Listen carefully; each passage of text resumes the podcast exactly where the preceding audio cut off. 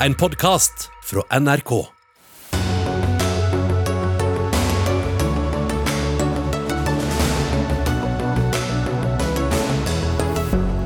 Stortinget ber regjeringen redegjøre etter gasslekkasjene i Østersjøen. Utenriksministeren uttrykker dyp bekymring for det som skjer. Statsministeren er med i Dagsnytt 18. Partene i lærerstreiken er kalt inn til arbeidsministeren. Da kan det gå mot tvungen lønnsnemnd i konflikten. Stortinget bør ha en maksgrense for hvor mange år representantene kan sitte, foreslår MDG. Kontinuitet i politikken er viktig, svarer Høyre. Og vil du bli rik, skikkelig rik? En ny NRK-podkast vil lære unge hvordan de blir millionærer. En kvalm dystopi, mener lederen av Rød Ungdom. Dette og mer til kan vi by på i den kommende timen her i Dagsnytt 18, i dag ved Sigrid Solund. Nato følger med. USA sier de er klare til å bistå Europa etter lekkasjene fra gassrørledningene Nord Stream 1 og 2 i Østersjøen. Det er målt to kraftige undervannseksplosjoner ved rørledningene, som strekker seg fra Russland til Tyskland. Statsminister Jonas Gahr Støre, tyske, danske, polske og svenske myndigheter snakker om at dette kanskje ikke er en tilfeldig ulykke, men muligens sabotasje. Hva sier du? Nei, Det er ganske nærliggende. Når vi har sett uh, bilder fra lekkasjene og det er registrert eksplosjoner på havbunnen, så er jo det nærliggende å tro. Og jeg hører fra de som har erfaring med dette rørledningssystemet, at det å få den type brudd uh, og utslipp uh, gjennom en ulykke neppe er tilfeldig. Men eh, vi har jo ikke mer fast informasjon enn det. At de som har greie på dette, legger stor uh, sannsynlighet i at det må være en villet handling. Og derfor også kan du kalle det en sabotasje. En villet handling fra hvem? Nei, det er ikke uh, Jeg som statsminister skal ikke, som man sier, ha peke ut det. Men vi er jo i en situasjon hvor gass er et omstridt tema i konflikten mellom Russland og Europa. Dette er rørledninger som jo ikke leverer gass i dag, men det står gass under trykk i disse ledningene fra Russland til Europa. Og så tror jeg jeg skal være varsom med å liksom sette et endelig navn på det. Men når vi nå har høy oppmerksomhet om det, eh, og, og, og, og følger nøye med mellom allierte eh, og har nær kontakt der, sånn, så er det jo fordi vi også tar situasjonen på et uh, sikkerhetspolitisk alvor. Hva gjør dere for å finne ut hvem som muligens kan stå bak, og hva som har skjedd?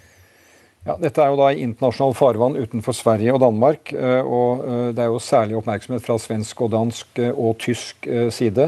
Og som du sier, det er også andre som er inne her for å vurdere det rent faglig. Så det vil være hovedkanalen vår for å få vite mer om det. Og så er det jo slik at Norge er den ledende gassleverandøren til Europa i dag. Der går det gass i rørene til Europa på en sikker måte. Det har vi et ansvar for å sikre. slik at Vi har jo hatt oppmerksomhet om sikkerheten rundt våre energianlegg, vårt forsyningsansvar over lengre tid. Og jeg har i dag, i lys av det som vi da har hørt fra Østersjøen, hatt uh, møter med uh, våre myndigheter for å sikre at vi har forhøyet beredskap, oppmerksomhet og nær kontakt med de selskapene som eier energiinstallasjonen i Norge.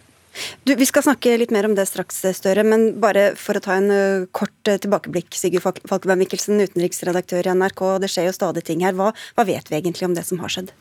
Det har blitt godt uh, redegjort for her, uh, føler jeg. Det, altså vært, det, er en pågående gasslekkasje. Eh, i Østersjøen. Eh, vi vet ennå ikke hvem som står bak, eller akkurat hva som har skjedd. Men de fleste indikasjoner, som vi også hørte statsministeren her si, tyder jo på at det er, en villet eh, handling.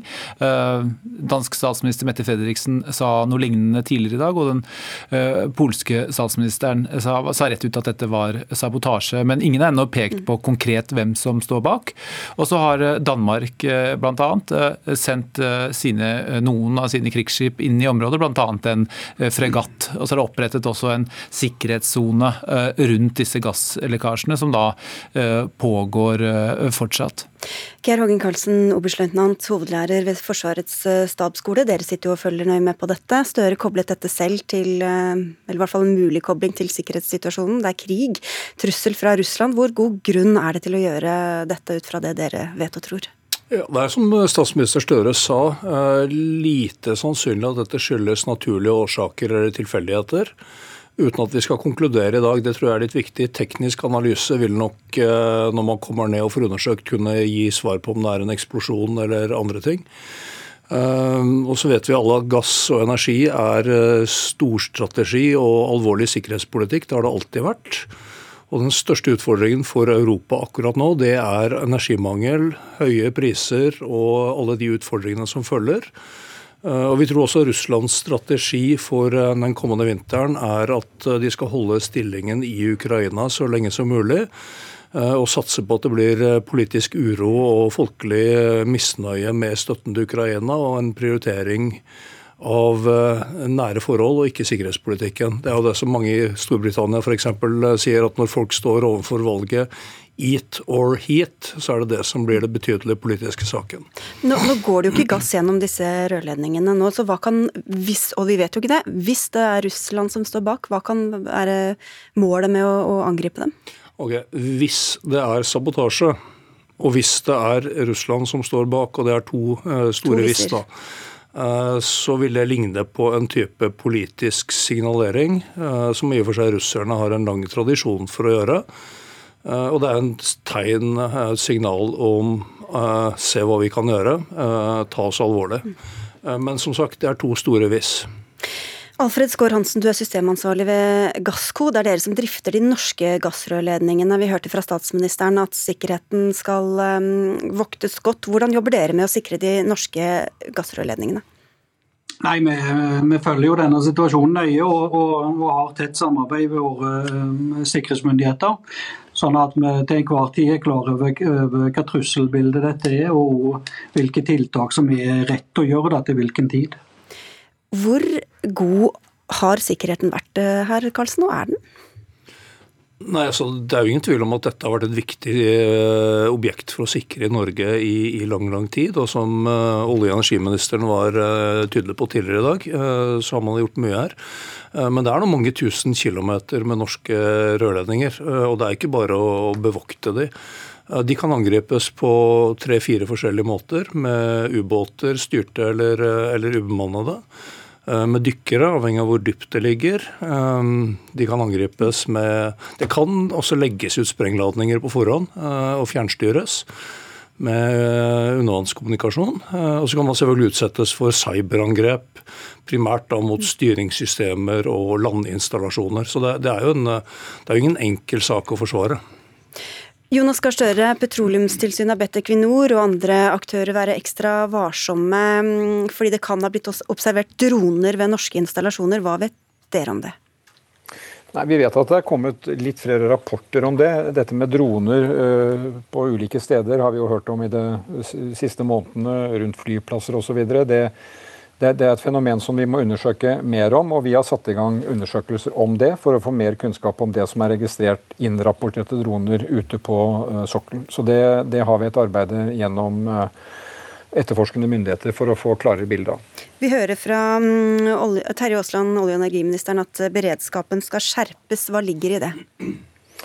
Det ligger i det som du har hørt nå i sendingen, at det er jo eh, rundt disse viktige installasjonene en skjerpet oppmerksomhet uh, hele tiden. Uh, så er det jo slik at når vi er i den situasjonen vi er i nå, så, så trapper vi det opp i den forstand at vi ønsker at politidistriktene går gjennom situasjonen på sitt ansvarsområde. Vi har et samarbeid med Forsvaret. Vi bruker også våre tjenester til å eh, innhente etterretning for å få et godt kunnskapsgrunnlag. Slik at vi kan eh, være eh, trygge på at vi har gjort alt det vi kan for at det er sikkert på sokkelen og sikkert langs rørledningene og sikkert med de leveransene som Europa nå er veldig avhengig av. Men hvor sikkert er det da, når vi hører om lange strekninger som er vanskelig å bevokte?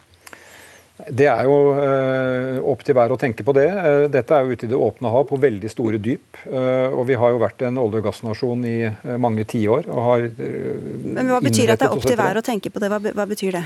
Nei, altså Jeg mener at vi har en god sikkerhet til, i normal tilstand. Og nå når det er en skjerpet sikkerhetspolitisk situasjon, så må vi trappe opp den og være mer oppmerksomme. Det har vi jo vært gjennom disse månedene hvor vi har en krigssituasjon i Europa. og Nå er jo hele gassproblematikken, som også dine deltakere i studio har poengtert, kommet mye mer på spissen i denne konflikten. Eh, og Da må vi være mer aktpågivende eh, på land, på plattformene og i hensyn, altså i hensyn til sikkerheten i rørledningssystemet. Utenriksminister Anniken Huitfeldt sier hun er dypt og alvorlig bekymret. Deler du den bekymringen? Ja, jeg Nå forsvant du litt. Vet du hva? Vi prøver å ringe, ringe deg opp igjen, eh, statsminister Støre. Vi, vi, går til deg igjen, Alfred Skaar Hansen i Gassco. Bare si litt om hva slags fare som ligger i sånne mm, gassledninger, og hvis, hvis det blir angrep, hva kan skje? Eh, det, det, vi ser her nå, er jo eh, når du ser så store strekk som skal tømmes, så så er det mye inventar i et rør, selv om det er satt ut av drift. Eh, dette er jo trykksatt, og i en sånn hvilefase så står det alltid et trykk i. Og det er relativt store volumer som, som, skal ut av røret der. Og Det er jo stort sett metan, som er en lett gass, og, og, og eksplosiv rette blanding med luft. Men hva betyr det? Hva, hva og hvem kan det potensielt være farlig for hvis det er farlig? Nei, jeg, jeg, tror eh, Vi har jo jobba med sikkerhet i, i, veldig mange år på norsk sokkel. og Dette er, er en naturlig del av den, den, jobben vi alltid har gjort og, og fortsatt gjør. Eh, i det å gjøre de rette tiltak som jeg mener er, er riktige til riktig tid. Så Det som jeg tror er viktig for oss nå som næring, er å forstå trusselbildet i lag med norske myndigheter. Eh, og gjøre de, de tiltakene som vi mener er mest effektive. Da. Ok, for å spørre på en annen måte, Hva er det verste som kan skje hvis eh, det kommer et angrep mot en gassrørledning som kanskje også er i drift? Nei, Vårt worst case er jo alltid fullt brudd. Det som vi ser nå i Nord Stream er jo det vi anser som, som det verst tenkelige. Da. Altså kutte, kutte, tilgangen til gass, rett og slett? Ja. ja. Eh, Støre, da er vi deg tilbake. Du skulle akkurat fortelle hvor, hvor bekymra du var. Nei, altså Jeg har jo vært blant de som har gitt uttrykk for bekymring gjennom flere måneder at vi har en fullskala krig i Europa. Det er alvorlig. Det er et et, et, et, bilde som vi må ta inn over oss. Vi er alle berørt av det. Og energi er i kjernen av denne konflikten nå. Det er det eh, for våre eh, partnerland i Europa. Jeg er bekymret for situasjonen i de landene som nå har energimangel, og hvor det er utfordringer for næringsliv og industri. Og Det er klart at det som har skjedd i Østersjøen det siste døgnet, gjør jo den uh, uroen også tydelig for oss uh, når det er mistanke om at det kan være sabotasje. Men dette er jo ting vi har vurdert over tid. Eh, vi skal holde Stortinget godt orientert om den eh, utviklingen som er. Jeg ser at Stortinget har vært opptatt av det. Det har vi også ja, De har etterlyst, etterlyst, informasjon og handling fra regjeringas side? Ja da, de, de, skal få god informasjon, men jeg kan love at vi har brukt dagen på å handle. Og på å ivareta da, uh, den beredskapen som er nødvendig, og innhente den informasjonen og dele vår informasjon med de landene og allierte som står oss nær. Du, til slutt her, Hvis det viser seg, og igjen hvis, at dette er et villet russisk angrep, hva, hvordan skal det tolkes? Er det Regnes det som et angrep, eh, som en krigshandling, eller hva? Nei, Nå ønsker ikke jeg å spekulere uh, om det. Det tror jeg du forstår. Og, og Det vi har, har, med å gjøre nå, det er jo da en situasjon med uh, lekkasje i Østersjøen hvor uh, det er sannsynlig at det, det, virker sannsynlig at det er en villet handling på en eller annen måte. og Så skal ikke jeg trekke mer konklusjoner enn det. annet enn å si at vi er opptatt av å få kunnskap om det gjennom våre naboer og allierte. Det jobber vi med. Og så er vi opptatt av å ta god vare på sikkerheten på vår sokkel. Hvor lett er det å finne ut Geir Hågen Karlsen, om det var en villet handling eller ikke? Jeg antar at en teknisk analyse vil vise om, om, det er en sprengning eller om det er et anker eller et skipsforlis. og De to siste sier jo ekspertene jeg har vært i kontakt med at det er lite sannsynlig. Men da, man må ned på jeg tror noen av de ligger på under 100 meter. Eh, så får man gjøre den jobben og, og komme med en konklusjon på det. Så får vi ta det derfra. Vi har mer om saken utover kvelden på alle NRKs flater. Skulle du ha en liten kommentar på slutten her? Siri ja, jeg tenkte bare det er interessant å observere at selv om alle uh, er veldig varsomme med å si uh, hvor eller hvem som står bak, eller akkurat hva som har skjedd, så er det fortsatt talende for den, det paradigmeskiftet vi står oppe i Europa nå, med et kontinent i krig. Hvor både nå i kveld den norske statsministeren, vi har tidligere hørt den danske statsministeren, den polske statsministeren. Så det er helt klart at dette er noe som bekymrer Europas Europas ledere. Og det er et uttrykk tror jeg, igjen da, for dette paradigmeskiftet Europa står oppe i. Takk skal du ha, Sigurd Falkmann Mikkelsen, og takk til statsminister Jonas Gahr Støre, til oberstløytnant Geir Hoggen Karlsen og Alfred Skaar Hansen, systemansvarlig ved Gassco.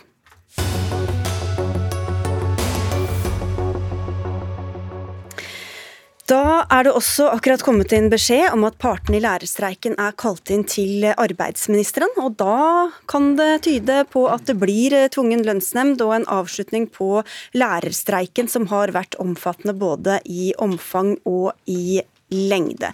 Hva mer vet du om dette, Tone Sofie Aglen, politisk kommentator her i NRK? Nei, Alt tyder på at det går mot en uh, tvungen lønnsnemnd, at den beslutninga er tatt og vil bli formidla til partene kvart på sju. Jenny Elvine Sandvik Brekke, du er avgangselev på Mali Skram videregående skole i Bergen. Og du har fortalt tidligere hvordan dere er blitt ramma av denne streiken. Hva er din reaksjon på denne beskjeden som kommer nå? Det er jo selvfølgelig kjempefint å høre, det er det. Men det blir jo spørsmål da om hvordan vi kommer til å løse det i ettertid, fordi at konsekvensene av streiken forsvinner jo ikke av den grunn. Men det er veldig, veldig fint å høre. Du kan bli med oss litt videre. Steffen Handal, leder i Utdanningsforbundet. Hva sier du til dette, at det kan gå mot tvungen lønnsnevnd? Nei, Det eneste jeg kan bekrefte, er at jeg har innkalt til et møte hos eh, Arbeids- og inkluderingsdepartementet kvart på syv. Eh, men jeg frykter jo det verste.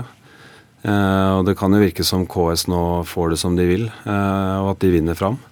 Eh, min opplevelse er at de har vært tilbakelente i hele, hele prosessen, og at de egentlig har ja, benyttet seg av den muligheten som de nå ser ut til å få. Det er kanskje mange som syns det er rart at du bruker et ord som det verste, om at en lærerstreik er over. Hvorfor er det det verste som kan skje? Det verste som kan skje, er tvungen lønnsnemnd, for det, det løser ingen av problemene. Man løser ikke eller man bygger ikke tillit med tvang.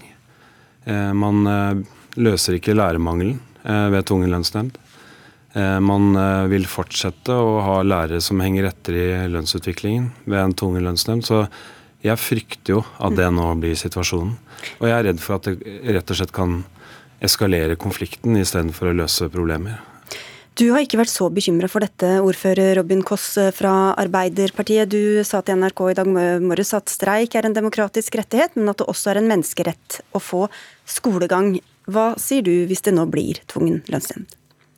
Det er i hvert fall en kjempelettelse hvis denne streiken nå blir eh, avslutta. Det beste hadde jo klart vært om uh, partene kom fram til en uh, enighet. Det er jo sånn man pleier å løse streiker. Men når partene da, i hvert fall hittil, ikke har klart å bli enige og avslutte streiken, så ser jo vi hvor forferdelige konsekvenser dette har hatt for barn og unge i vår kommune. Det har vært en streik med et veldig ujevnt streikeuttak.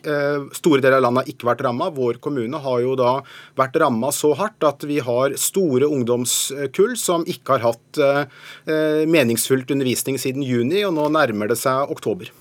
Jeg er jo enig med Robin Koss i at eh, streiken har konsekvenser. Men jeg regner jo med altså at en Arbeiderpartipolitiker forstår at vi ikke kan ta ut alle lærerne i hele landet for at eh, alle skal bli likt rammet. Det vil jo begrense streikeretten betraktelig. og syns det er rart at Robin Koss, som faktisk er ordfører i Porsgrunn, og sånn sett en part i saken, Eh, henvender seg til regjeringen og roper om tvungen lønnsnemnd, når han egentlig burde henvende seg til sitt eget demokrati, nettopp gjennom altså KS. KS. Ja, hvorfor gjør du ikke det, KS?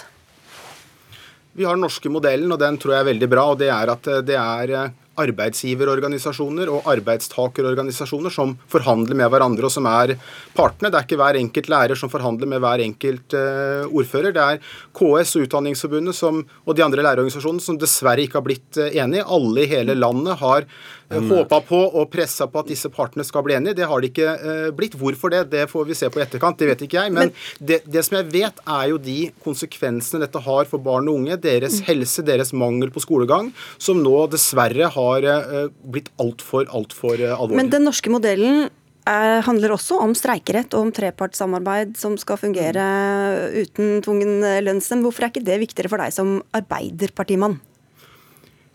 Vi har vært veldig tydelige i vår kommunikasjon ut at dette er en lovlig streik, at vi må respektere denne streiken. Vi har mottatt utallige meldinger fra foreldre som er fortvila, de er forbanna. Vi sier dette er en lovlig streik. Det er en del av demokratiet at også lærerne får lov å streike. Men så kommer det et punkt hvor vi ser hvor alvorlige konsekvenser dette har. Da bruker vi det virkemidlet vi har, og det er å søke om dispensasjon. Det gjorde vi for tiende trinn og fikk avslag på det uh, forrige uke. Og vi får inn meldinger fra barnevern, fra psykologer, fra oppvekstetaten osv. Uh, på hvor alvorlig dette er, og da må vi nødt til å si ifra. Hvis ikke så gjør ikke vi jobben vår som ordfører og som oppvekstsjef for Rondane. Det du sier om dispensasjoner, det er ikke korrekt, Robin Koss. Dere har sendt inn veldig veldig generelle dispensasjonssøknader som ikke er i tråd med KS og partenes regelverk. Og sånn sett så har dere beveget dere langt utover det som er normalt i en streikesituasjon. Og du kan altså ikke sitte og snakke om trepartssamarbeidet og at partene skal forhandle, når du for noen timer siden ropte nettopp på at regjeringen skulle bryte inn i streiken, avslutte den, rokke ved tillitsforholdet mellom partene og sånn sett diktere eh, at denne streiken er over. Det er ikke tillitvekkende. og jeg er skuffa over at en Arbeiderpartipolitiker går så langt, og særlig at du ikke bruker den sjansen du har til å påvirke KS, som er din part i dette. Du burde brukt anledningen til det. Og Jeg, må jeg syns det er helt utrolig at ikke Robin Koss kan liksom en gang stå for at han har forsøkt å unnta høringssvaret fra Porsgrunn kommune offentlighet okay, i den høringen som KS har hatt. Det sier jo sitt. Det som eh, vi har gjort, det er at vi har observert og fått melding på melding på melding på melding om at barn og unge i vår kommune hvorfor, blir ramma kjempehardt. Men hvorfor skal lærerne stå ansvarlig for det? Hvorfor kan dere ikke heller eh, gi dem eh, andre tilbud for dem som sliter i Porsgrunn kommune? Det er fordi at eh, barna de har krav på undervisning, og så må vi tåle at de blir ramma i en lovlig streik.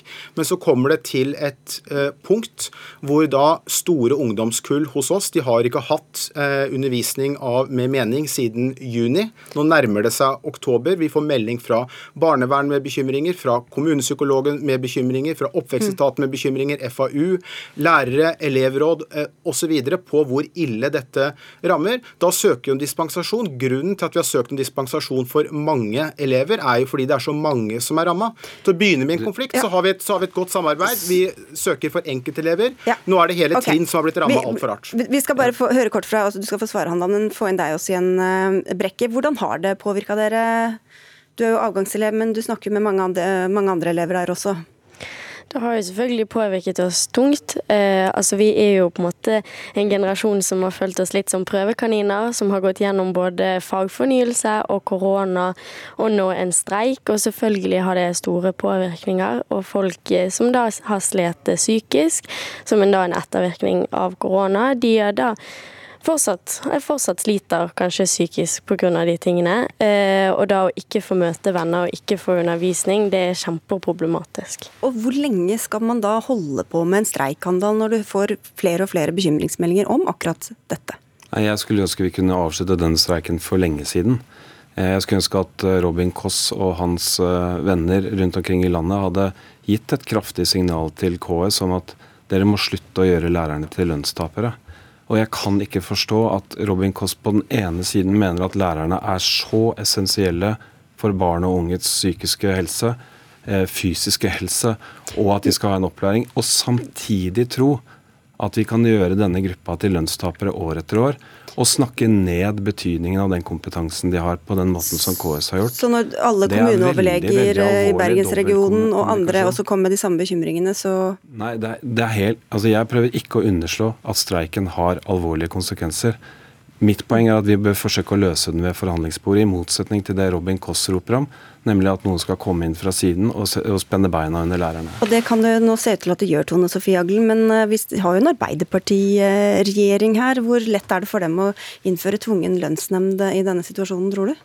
Nei, Jeg tror nok at det sitter eh, langt inne, og de vil eh, helt sikkert få kritikk, helt åpenbart fra lærerne, men også politisk, eh, særlig fra venstresida. Men jeg tror nok at den helt spesielle timingen hvor man har vært gjennom en pandemi, mange elever har allerede mista mye, gjør at man er veldig bevisst på denne problemstillinga. Men kan tvungen lønnsnemnd også føre til at lærerne får noen av kravene sine innfridd? Sånn økonomisk så er det jo lite som tyder på det, i hvert fall sånn vi kjenner eh, tvungen lønnsnemnd. Det vi ikke vet, er jo om regjeringa har noen andre kort i ermet for å blidgjøre lærerne. For det kommer til å være en kjempeutfordring at de kommer til å skuffe veldig mange og vil slite med å gjenoppbygge den tilliten. Nå må du løpe av gårde, Steffen Handal. Du skal møte om 20 eh, minutter, så får vi mer om dette etter hvert. Takk skal du ha for at du kom. Tusen takk til deg, eh, Robin Koss, eh, ordfører for Arbeiderpartiet i Porsgrunn, og til Jenny Elvine Sandvik Brekke med fra Bergen, og til deg, Tone Sofie Aglen, kommentator her i NRK.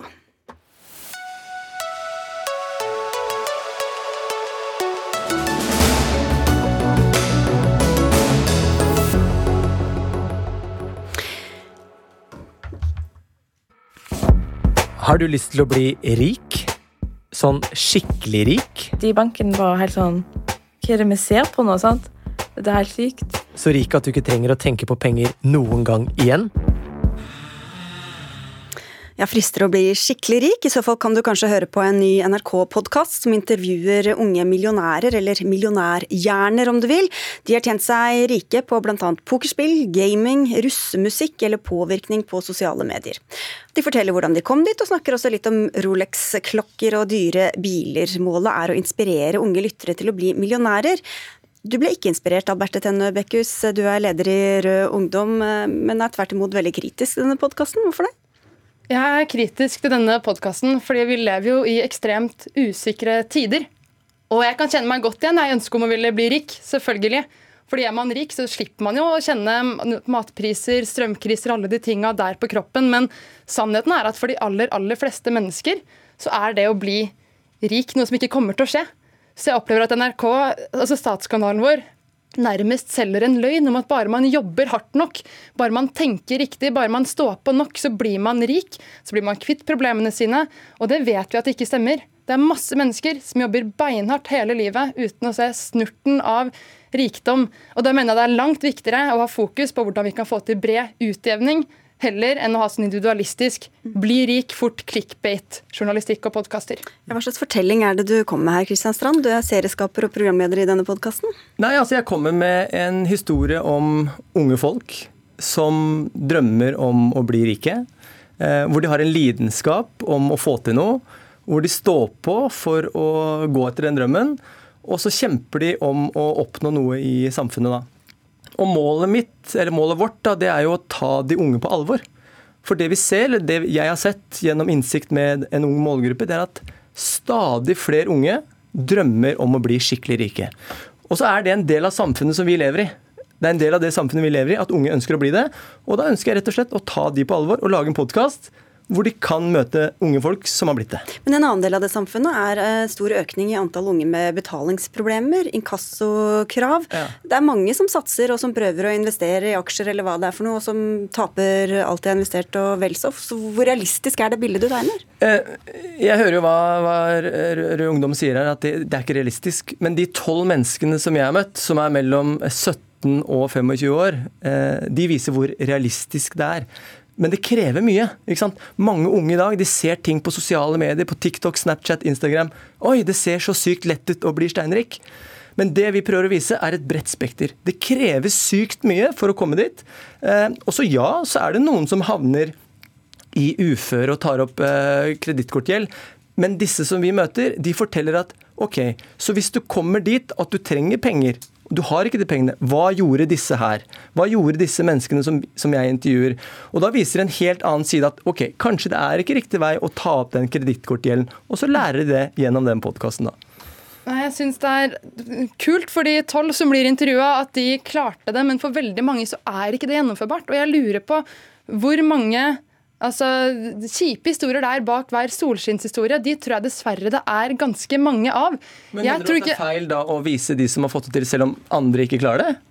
Nei, men jeg mener at man er, har en veldig ukritisk tilnærming til rikdom, ulikhet og hva det vil si å klare det. Jeg hørte første episode av podkasten tidligere i dag, og den starter ganske tidlig ute med å si at nei, vi var heldige. Vi var heldige, det var tilfeldigheter. Og sånn ser man i stor grad at rikdom fungerer. Sju av ti av de aller rikeste har arva det. Og man ikke, altså da blant de tre av ti men da blant de tre av ti så har man som regel vært ekstremt heldig, eller i utgangspunktet starta på målstreken. Og så har vi masse unge som starter bak. Hvis, hvis, man hører den podkasten nå, så vil jeg si at det er helt feil det Rødt eh, Rød Ungdom sier, at, at Mikkel Kristiansen i Broiler var heldig. Det han har gjort, ja, han var heldig ved å treffe en bølge. Han var heldig med å treffe en bølge som gjorde at eh, mange unge mennesker i dag hører på musikken hans. Men det er ikke heldig det han har gjort videre. Han har tatt noen aktive valg for å gjøre det han har gjort, og så har han gått etter drømmen sin, ja. og så har han kjempa og stått på. Og la meg understreke at jeg syns det er kjempebra å løfte fram at det er mulig å nå drømmene sine. For det er jo et poeng i seg selv. Mm. At man skal vise at det er mulig å jobbe hardt. Om det er innenfor gaming, innenfor musikk, innenfor kunst. Det er et gode. Men podkasten handler jo ikke om hvordan leve av drømmen. Podkasten handler om hvordan bli rik. Og hvordan bli rik er for veldig mange en drøm som ikke kommer til å bli en realitet. Og jeg synes det er, det, det, er langt viktigere å prate om utjevning. Og jeg syns ikke, jeg sier ikke at broiler ikke jobber hardt, for åpenbart gjorde de det, men de var også heldige. Ja, det, det, det, du gjør, det er egentlig bare å stille eh, spørsmål ved motivasjonen å gå etter pengene. Og Den kan man jo stille spørsmål om er moralsk riktig eller ikke riktig, men det vi ønsker i podkasten er ikke å ha noen pekefinger på det. Vi mener at hvis unge mennesker drømmer om det, så skal de få lov til det. Og så skal de få lov til å høre og møte unge mennesker som har blitt kanskje inspirert av akkurat det som motivasjon.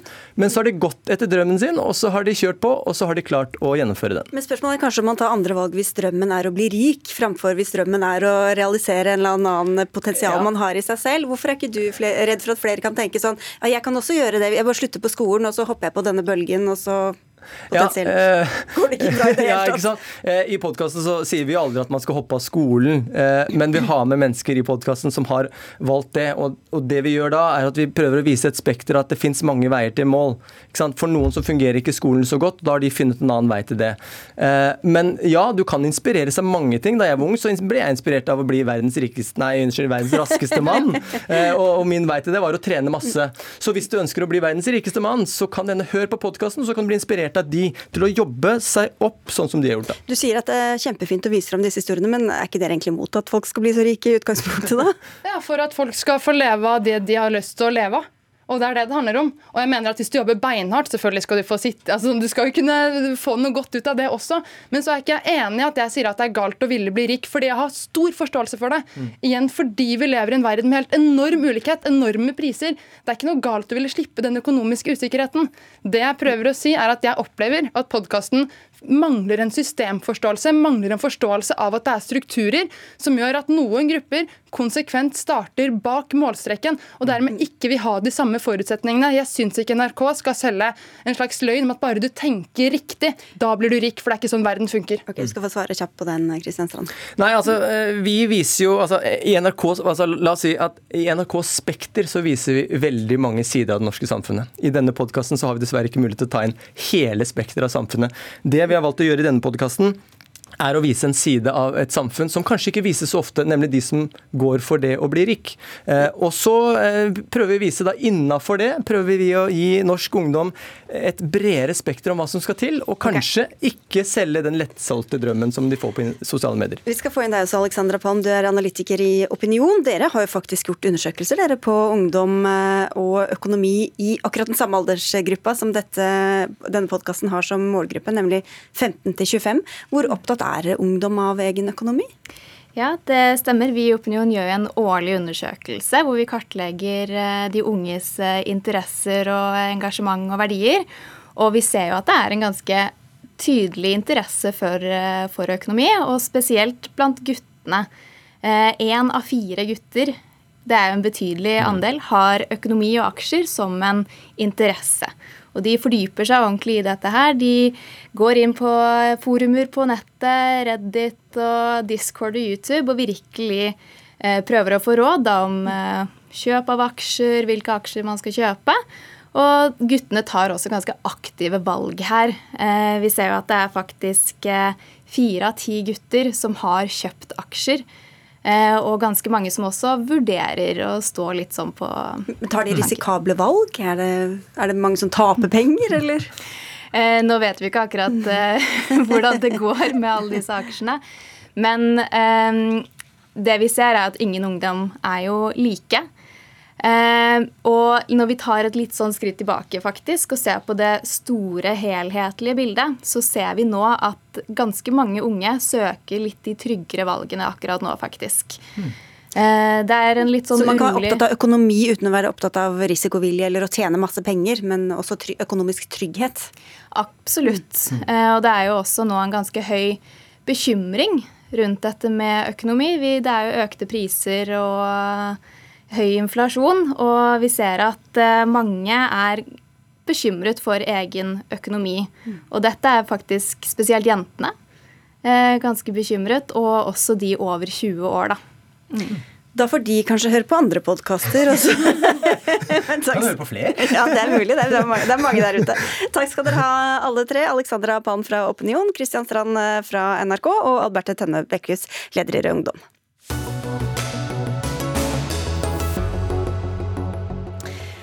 Per Christian Foss fikk 32 år på Stortinget og havnet med det på ansiennitetstoppen for landets nasjonalforsamling. Tidligere stortingspresident Arbeiderpartiets Marit Nybakk satt i 30 år, og blant dem som sitter på Stortinget i dag, er det Erna Solberg som har lengst ansiennitet. Hun er i sin niende periode.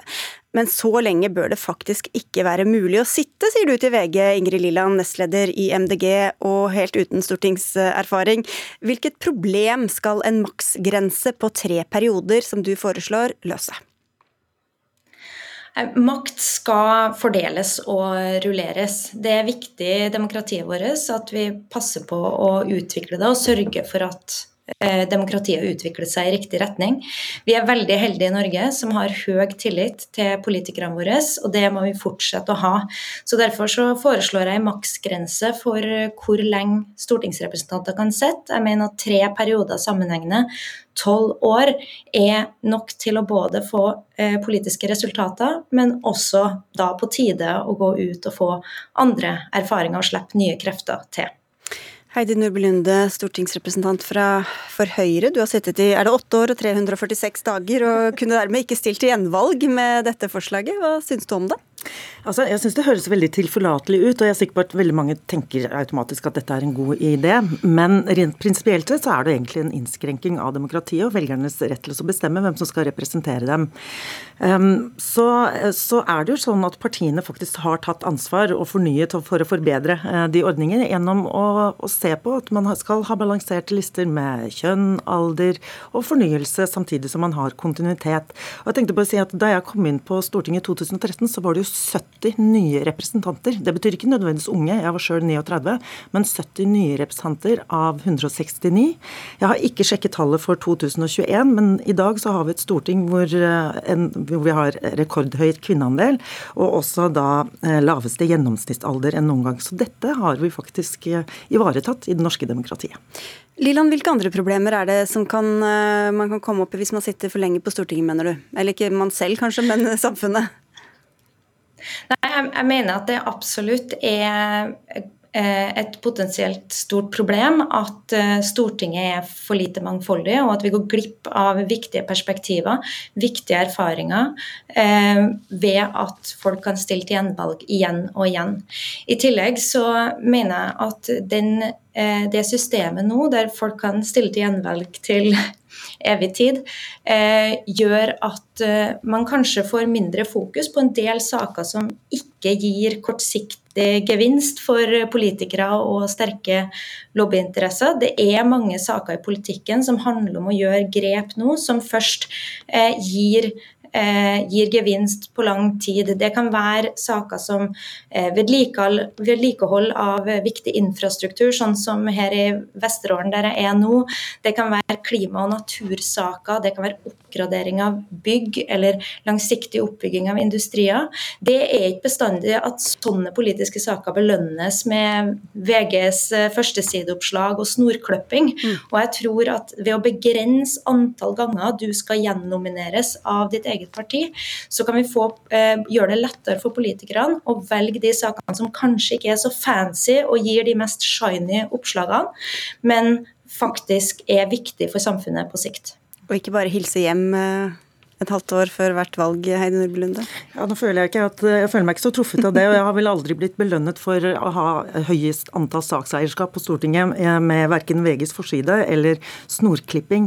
Men i den situasjonen som vi er i akkurat nå, med de krisene verden står overfor, så er jeg veldig glad for at vi både har en blanding av fornyelse og kontinuitet. At vi på Stortinget har representanter som har gjennomlevd kriser før, og har styringserfaring, som f.eks. nevnte Erna Solberg. Jeg tror det er en styrke for dem demokratiet at vi har den eh, balansen.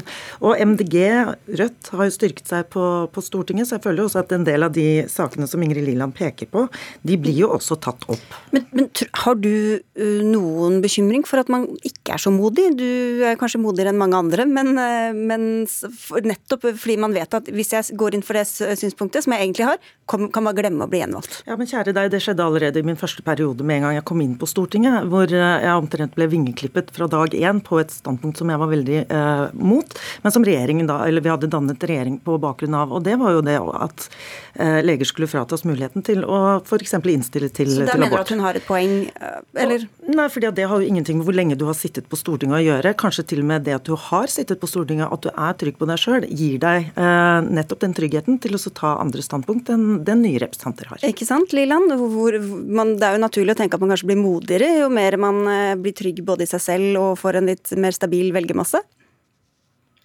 Vi har mange flinke og modige politikere i Norge, heldigvis. Eh, men det er jo systemet som er poenget her. Og systemet i dag er at en viktig del av en politisk eh, politikers hverdag er også å bli gjennominert av, eh, av partiet. Og så vil jeg bare Men da vil, at da vil det jo bare være den tredje perioden man blir modig, da, og så har man to perioder først hvor man bare tenker på gjenvalg? Altså Det er jo en dynamikk her, en sammensetning av et helt storting der eh, flere politikere ikke vil være på gjenvalg enn i dag. Men jeg vil jo også påpeke at det er, jeg synes jo det er litt rart at det er så radikalt å se for seg tolv år ikke er nok tid til å få gjennomført politikk, og at den erfaringa da folk kan ha med seg fra andre steder, andre yrker, andre bakgrunner, ikke minst kan være viktig i sånne situasjoner som samfunnet står i nå, som Heidi Nordby Lunde peker på. Det er klart at det finnes ekstremt mye viktig erfaring og mange dyktige folk som ikke sitter på Stortinget, og som vi kunne ha fått der hvis vi hadde hatt en begrensning på hvor lenge hver enkelt kan sitte sammenhengende. Og som sagt, altså, I og med at eh, det var 70 nye og 169 representanter i 2013, og jeg tipper omtrent det samme i 2021, så mener jeg at det ivaretas av demokratiet vi har i dag. Og så har jeg lyst til å si at Med de begrensningene så ville verken Jens Stoltenberg eller Erna Solberg kunne vært statsministre i Norge, fordi begge hadde da gått over den perioden før de ble valgt til statsministre. Og ikke minst altså, en, en kollega med Henrik eh, Asheim, som jeg mener er et stort politisk talent, har mulighet kanskje til å bli partileder i Norge. Han ville vært inne i sin siste periode periode nå. og Det ville jeg synes var ufattelig trist. Så det handler ikke om at man ikke skal få inn nye. Eh, det skal ivaretas. Vi trenger en god balanse mellom erfaring og kontinuitet, og også fornyelse. Da var vi tilbake til der vi begynte. Takk skal dere ha begge to. Heidi Nordby Lunde fra Høyre og Ingrid Liland fra MDG. Skal bare melde om at Hydro stenger ned deler av aluminiumsproduksjonen på Husnes og Karmøy, hvis jeg hørte riktig fra beskjed fra kontrollrommet her, skriver Aftenposten, og det blir nok mer om det utover kvelden.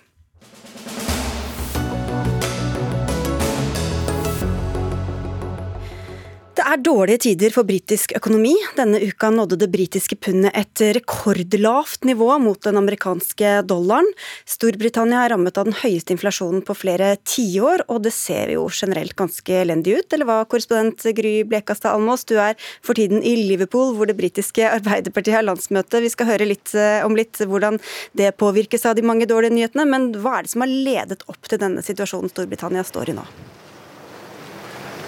Altså det som skjedde i går, da markedene reagerte på eh, en måte som gjorde at altså pundet var på sitt laveste nivå opp mot dollaren noensinne, eh, var en reaksjon rett og slett på den eh, politikken som regjeringen la fram eh, før helgen, eh, som innebærer store skattekutt. Eh, og det er jo kostbart, og det er penger som skal lånes. og det likte tydeligvis ikke markedene, og særlig de asiatiske, som da kjørte pundet ned på sitt laveste nivå noensinne.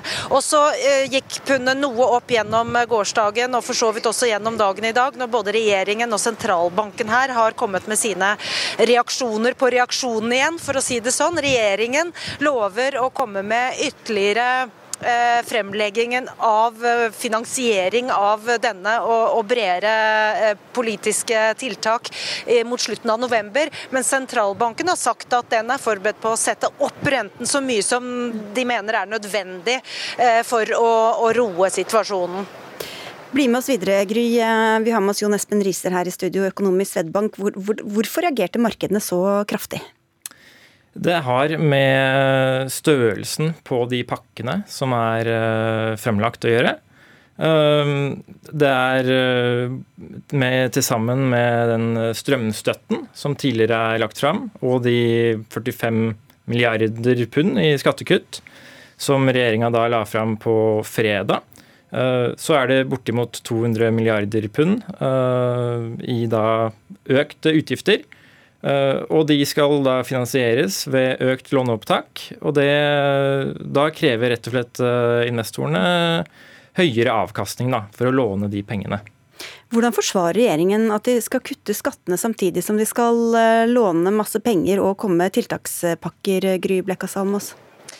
Det er et forsøk på å få eh, liv i økonomien og for å få vekst i den britiske økonomien, som har stagnert.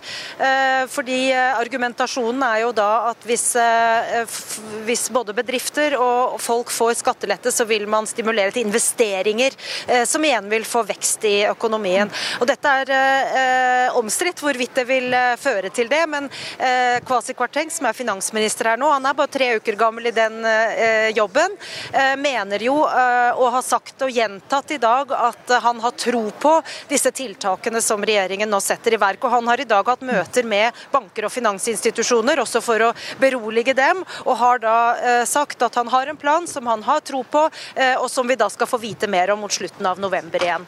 Riser, dere sier til Finansavisen i dag at britene må kunne finne en annen løsning. Hva kan en sånn løsning innebære? Nei, det er uh, Hovedproblemet her er som du var inne på, at uh, inflasjonen er uh, rekordhøy. Og Bank of England gjør hva de kan for å bremse ned økonomien, og da inflasjonen. Samtidig så kommer nå regjeringa og gir ordentlig gass med disse tiltakene. Og da blir det rett og slett en clinch. Enten så kan Bank of England da sette opp renta enda veldig mye mer Eh, markedene priser nå inn eh, rundt 6% i rente i, eh, i midten av neste år. Eller så må regjeringa på et eller annet vis få en tilbakevinne troverdigheten på at disse tiltakene kan finansieres på et vis. Enten med å nedskalere de, eller på annet vis få, få tilbake troverdigheten da, på at dette ikke kun er gjeld som skal Eh, på ubestemt vis da, finansieres, eh, finansieres skattekutt. Økende renter, eh, Gry, høyere priser og så dette med pundets svekkelse mot dollaren. Hva får det å si for vanlige briter? Dette er jo krise for veldig mange. Altså, I dag så har en del banker og finans- eller utlånsinstitusjoner eh, rett og slett eh, tatt en del av sine eh, lån, produkter, av markedet, fordi de venter på eh, den rentehevelsen som mange tror at eh, kommer. Det betyr jo at for folk så er det vanskeligere å få lån, og så betyr det selvfølgelig at de lånene folk har blir mye, mye dyrere. og Det kommer altså i en situasjon hvor inflasjonen, altså prisveksten, har vært så høy at eh, alt man kjøper i butikken butikkene også er blitt veldig mye eh, dyrere.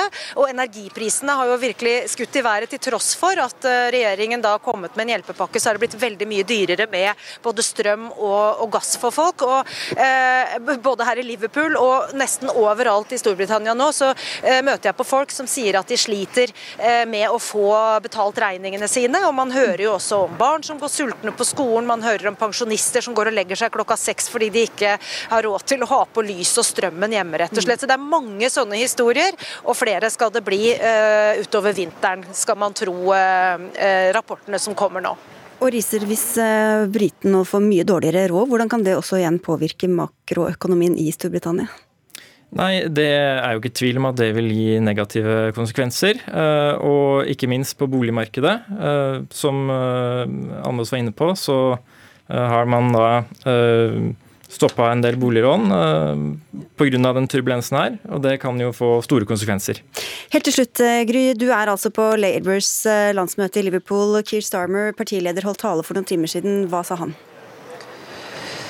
Han sa at eh, nå opplever man et Labour-øyeblikk. Det betyr at både han og partiet har tro på at det er de som kommer til å vinne neste valg. Det viser også meningsmålingene akkurat nå. Eh, og det er jo fordi det konservative partiet sliter på meningsmålingene, og bl.a. pga. den økonomiske situasjonen som har oppstått nå. Og Keir Starmer brukte ganske sterke ord. Han sa at eh, denne regjeringen har ført landet ut i en situasjon hvor økonomien er helt ute av kontroll. Så økonomien har vært vært det viktigste temaet her på Labour sitt landsmøte også nå disse dagene. Og det blir nok også når Torjene, altså det britiske konservative partiet, straks skal møtes. Takk skal du ha, Gry Blekka Salmås, og tusen takk til deg, Jon Espen Riser, økonom i Svedbank.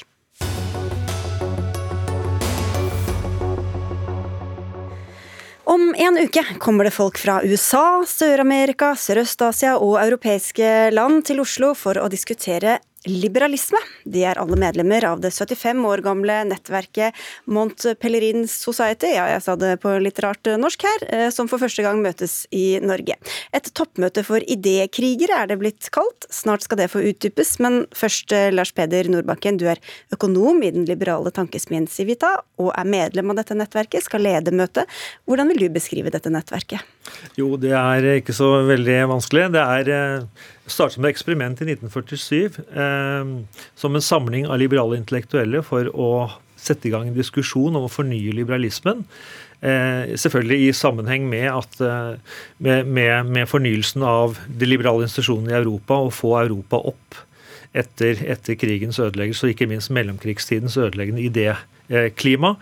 Og, og, dette har da blitt en møteserie da, over, over, eh, mange år, faktisk da 75 år, hvor dette temaet har vært oppe, altså som kretser rundt liberalismens utfordringer, eh, muligheter og innhold. Og det er jo spesielt kanskje institusjonene som gjør friheten og en menneskeverdig tilværelse mulig for alle, som liksom er kjernen og ledestjernen i, i, dette, i den tenkningen. da. Et Men det er jo et nettverk av individuelle ja. tenkere. Ja, ikke sant. Ivar Hippe, du er journalist og forfatter bl.a. av en bok som beskriver framveksten av eh, Mont Pellerin-ideen det er basert på, og påvirkningen som eh, nettverket har hatt. Toppmøte for idékrigere, det var overskriften du fikk i Dagsavisen da du skrev om dette. Du ville kanskje beskrive det på en litt annen måte enn det vi hørte fra Nordbakken her? Ja, det, det, jeg ser nok andre ting. Altså, dette her var jo et et nettverk, et intellektuelt kraftsentrum for det noen kaller eh, nyliberalismen, andre kaller markedsliberalismen. Eh, Thatcher takket jo personlig eh, Montpellerin Society og tenketanken og Hayek og de sentrale tenkerne i MPS. Hun sa ved et jubileum midt på, i sin eh, høytid at eh, dere skapte klimaet som gjorde våre endringer mulig. Hvordan og i hvilken retning mener du at de prøver å påvirke samfunnet også i dag?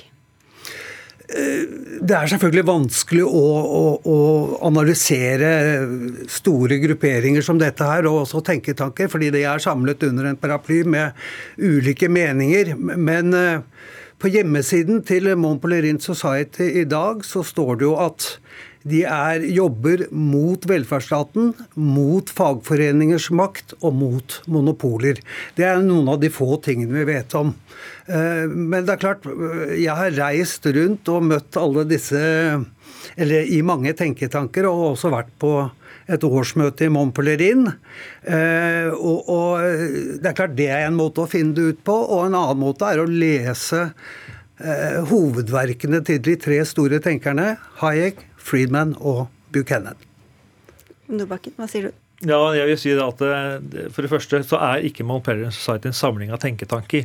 Det er en samling av enkeltindivider som er blitt medlem Eh, og som gjerne har publisert noe på akademisk nivå, og som er engasjert i, i liberal eh, tenkning. Eh, så det blir på en måte å koble dette direkte sammen til en slags likhet, det blir litt raskt, tror jeg. Og, og, og en liten innersving, på en måte. Og, og ellers så, så, må man også tenke på at det er de individuelle offentlige intellektuelle her som i kraft av sin samfunnsdeltakelse i samfunnsdebatten egentlig er det som kommer ut av et sånt nettverk. Dette er jo bare en møteserie som egentlig ofte gir energi og stimulanser. Og ofte ser man det i forhold til at det blir publisert veldig mange bøker. Og eh, etter, eh, et, et, etter møtet hvor det har sant, Særlig den første tiden, eh, hvor, hvor, man ikke hadde møtt hverandre kanskje så mye. Og, og det, det, Både et formøte i Paris 38 før dette ble etablert i 47, og 47, så ser man liksom en eksplosjon av litteratur osv. Og, og det er sånn, sånn, det fungerer på. Så man skaper ikke sier om at, at, man, at, at, at nettverket prøver å motvirke fagforeninger og velferdsstat og det er også eh, veldig feil beskrivelse. Altså fordi nettverket met, Det står nok ikke eksakt det. Nettverket som sådan har ingen mening. Det er kun det enkelte medlemmet Dette står på hjemmesiden deres, så, så, det kan da ikke være feil. Der står at man, man skal det... jobbe mot velferdsstater, mot fagforeningers makt og mot monopoler. Dette står svart på hvitt. Hvis du ser nøyere på den teksten, så tror jeg nok det står at det, altså en, over, altså en overdreven eller over en velferdsstat som går veldig, veldig langt, det er det nok vært en del skeptisk mot. Men det, det står også i The Statement of Aim, som er liksom det som er grunnloven i Montpellier Society, som er enda viktigere, så, så, er det helt fra første møte så er det ett tema som har vært veldig levende oppe, og det er hvordan sikre sosial trygghet samtidig med en eh, økonomisk utvikling som er positiv for alle. Og Det er nok det grunnleggende her. sånn. Og så er det en diskusjon om velferdsstaten. Og jeg er jo medlem av dette nettverket. Og jeg står jo for og argumenterer for en type velferdsstat vi har i Norge. Og det er ikke jeg alene om. Ja, for Du peker på folk som støtter eh, Donald Trump og som har gått i bresjen for brexit osv. hippe, men hvis det er sånn at hver enkelt bare representerer seg selv, hvorfor skal da nettverket eh, klandres for hva, hva Nei, hvert altså, enkelt medlem Dette er jo skapt av altså Det er tre dominerende tenkere innenfor eh, denne grupperingen. og Det er Hayek, Friedman og Buchanan som har sagt. Og, og disse er veldig tydelige på at uh, at velferdsstater er uheldig. Altså Friedman sa jo at, eller skrev i Free to Choose at uh, velferdsstater er største, den største trusselen mot vår eh, felles frihet. Hayek var ekstremt hissig på slutten av sitt liv når det gjaldt økonomisk omfordeling som, eh, som, han mente førte til trelldom. Så, og, og, Buchanan han bidro jo da med å, å, lage en forskningstradisjon som skulle undergrave politisk autoritet. Jeg i boka mi har eh, ført en rød tråd fra disse tankene og til den politikerforakten jeg har møtt, og som da førte til Trump. Da fikk jeg sagt det. da skal du få svare på det, Nordbakken. Ja, nei, jeg vil si at det, det, som jeg, det, som jeg, ser, det er jo at Ivar Hippe har riktignok eh, truffet en del tenketanker, men det er et veldig smalt segment. Og det er ikke totalt representativt i det hele tatt. Eh, og, og, jeg vet hvilke det er også, vi har snakket sammen før, vi. Og, og, eh, og dette her er eh, det er en mye mye mer mangfoldig flora av tenkning innenfor det her. Og jeg vil si det så tydelig og klart at i de senere seks, sju, åtte årene så er det også det er så helt klart en dreining i retning av den mer eh, moderate europeiske liberalismen innenfor dette nettverket. Og Det vi ser i dag, det er at det, amerikanske akademikere føler det er befriende å kommer komme mer i kontakt med det som, det som, tenkes i Europa. Og da er det en helt annen liberal tradisjon enn den du snakker om. Og du snakker om de tre store. Ja, det er også et veldig selektivt utvalg. For det er mange, mange mange flere enn det. Og den floraen den bidrar til å, å, å tegne et bilde av den mainstreamen som jeg tilhører, nemlig den moderate liberalismen. Jeg håper du har rett i at det går an å dreie eh, denne liberalismen bort fra den ekstreme markedsliberalismen over til en mer sentrumsorientert og europeisk inspirert liberalisme. For det trenger vi når vi skal kjempe for det liberale demokratiet. Og Man kan gå inn og lese hva dere skal ha på programmet, men eh, vi vet ikke hvem som skal komme, eller medlemmene, for de er ikke åpne medlemslister. Og det er kun for de inviterte medlemmene, Nordbakken. Så Nei, Det er riktig. Medlemslisten som sådan er internt i dette her. Men det viktige er, som du var inne på, og det er jo at eh, dette er et møte som er, det ligger helt åpent på nettet for alle å se. Det ligger på mpsoslo.org. Der kan alle gå inn og se hva er dette møtet i Oslo inneholder. Og Der kan man se temaene, alle foredragsholdere, presentasjon av foredragsholdere, enkelt, eh, altså tittelen på det enkelte foredraget. Og det man vil se der, det er ingen eksempler på det fenomenet som Ivar Hippe eh, nå presenterte i stad. For, kanskje det skjer i det skjulte, ikke vet vi. Det begynner i hvert fall i neste uke. Takk skal dere ha begge to. Lars Petter Nordbakken, Nordbakken fra Civita og forfatter Ivar Hippe. Dagsnytt 18 takker for oss. Anne Katrine Førli, Eli Kyrkjebø og Sigrid Solund sier takk for følget og ønsker en god kveld videre.